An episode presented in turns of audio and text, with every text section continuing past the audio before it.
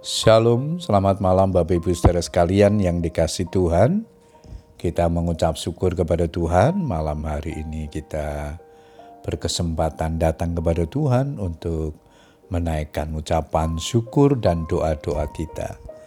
Malam hari ini sebelum berdoa saya akan membagikan firman Tuhan yang diberikan tema Yesus adalah guru dan Tuhan ayat mas kita di dalam Yohanes 13 ayat yang ke-13.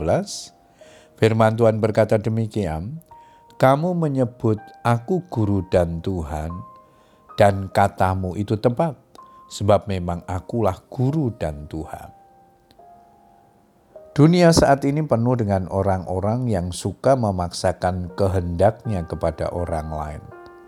Terkadang pemaksaan itu disertai tekanan dan ancaman Berbeda dengan Tuhan kita Yesus Kristus, Dia tidak pernah memaksa orang untuk menyebut Dia sebagai Tuhan. Tuhan Yesus tidak pernah berkata, "Kamu harus sujud di bawah kakiku, kamu harus menyembah Aku," dan seterusnya. Tuhan memberikan kehendak bebas kepada setiap manusia. Demikian bebasnya sampai-sampai ada orang yang menghina dan memperlakukan Yesus semena-mena. Itulah yang diperbuat orang-orang yang membenci dan memusuhinya. Bahkan menghujat, mengumpat, menjadikan dia bahan tertawaan atau lelucon. Puncaknya mereka membunuh dan menyalibkan dia di atas Golgota. Sebagai orang percaya kita menyerahkan hidup sepenuhnya di bawah kekuasaan Tuhan Yesus dan taat kepadanya karena kemahakudusannya, karena keilahiannya, bukan karena kita dipaksa dan diintimidasi untuk melakukan hal itu. Tuhan Yesus tidak pernah memaksa kita untuk taat kepadanya, tetapi karena kita tahu bahwa Dia adalah Tuhan, Guru, Juru Selamat, dan Raja di atas segala raja, maka patutlah kita menghormati menyanjung dan meninggikan namanya.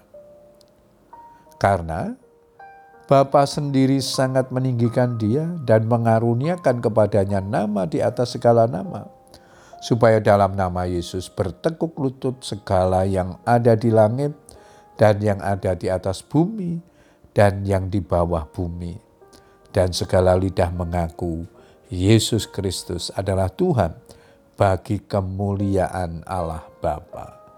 Filipi 2 ayat 9 11. Adalah kebodohan besar jika kita tidak mau percaya dan taat kepada Tuhan Yesus karena baik hidup atau mati kita adalah milik Tuhan.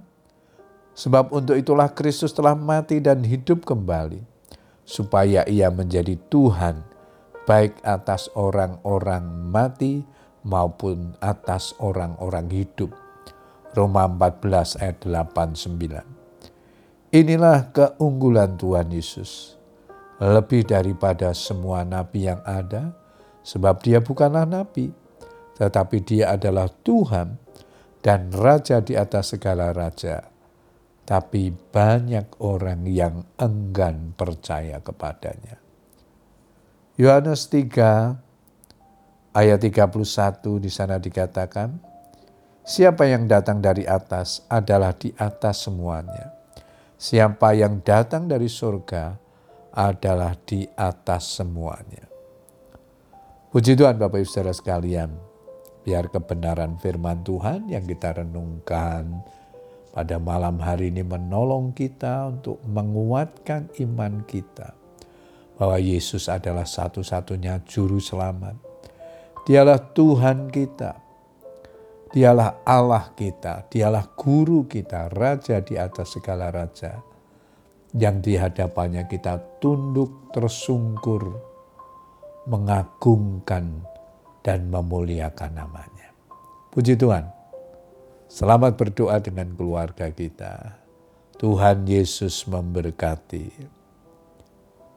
Amin.